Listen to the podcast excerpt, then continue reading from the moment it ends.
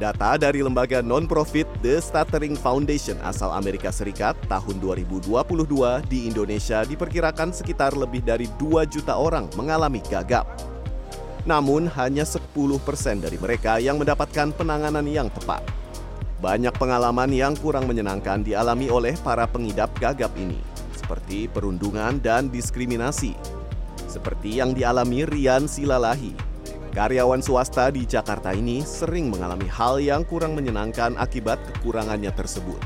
Saya pernah dibully, pernah ditertawakan gitu, pernah pada saat di kelas gitu karena saya punya gagap dan pada saat presentasi gitu dan gagapnya eh, muncul gitu kan. Nah, di momen itu ya saya diketawain. Ya uh, sangat sering mas momen-momen seperti itu. Untuk membantu para penderita gagap, didirikanlah Indonesia Stuttering Community yang beranggotakan para penderita dari beberapa kalangan dari seluruh Indonesia. Berdiri sejak 13 Januari 2017, komunitas ini menjadi wadah bagi penderita untuk saling berbagi pengalaman dan dukungan.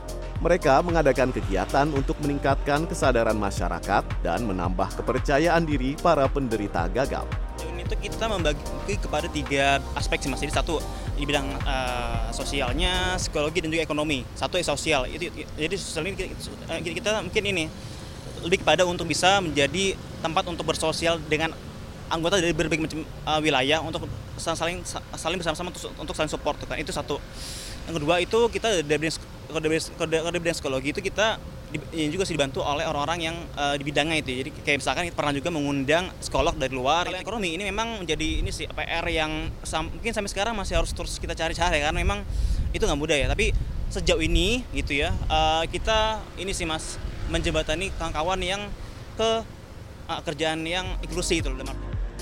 Komunitas gagap ini menjadi harapan bagi penderita gagap untuk dapat berkarya dan hidup normal di masyarakat. Menurut dokter spesialis kedokteran fisik dan rehabilitasi Rumah Sakit Immanuel Bandung, Fani Kristina, gagap merupakan bicara yang tidak lancar yang disebabkan oleh gangguan irama bicara. Gagap disebabkan oleh dua faktor, yaitu faktor genetik atau keturunan dan faktor lingkungan, seperti gangguan kecemasan karena dibully, depresi, atau bisa juga karena tidak bisa mengontrol emosi ketika terlalu senang. Gagap itu juga bisa macam-macam untuk manifestasinya. Ada orang yang sadar diri dia gagap dia cenderung diam. Putus katanya. Uh, ada yang pakai uh, uh, jadi gagap itu tidak selalu yang makan misalnya kayak gitu ya. Nggak nggak selalu yang kayak gitu.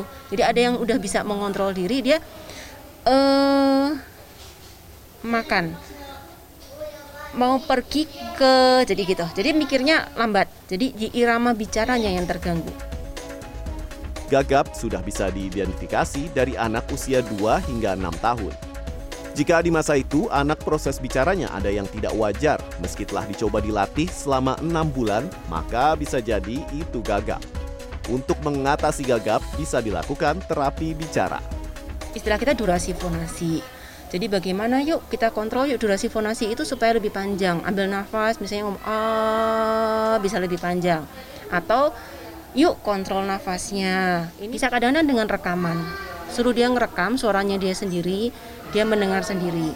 Suruh dia belajar untuk berbicara dengan lebih pelan dengan tempo lebih pelan. Fani melanjutkan dengan terus berlatih maka gagap bisa diminimalkan. Yang terpenting faktor lingkungan sangat berperan agar seseorang dapat mengatasi gagap. Tim liputan CNN Indonesia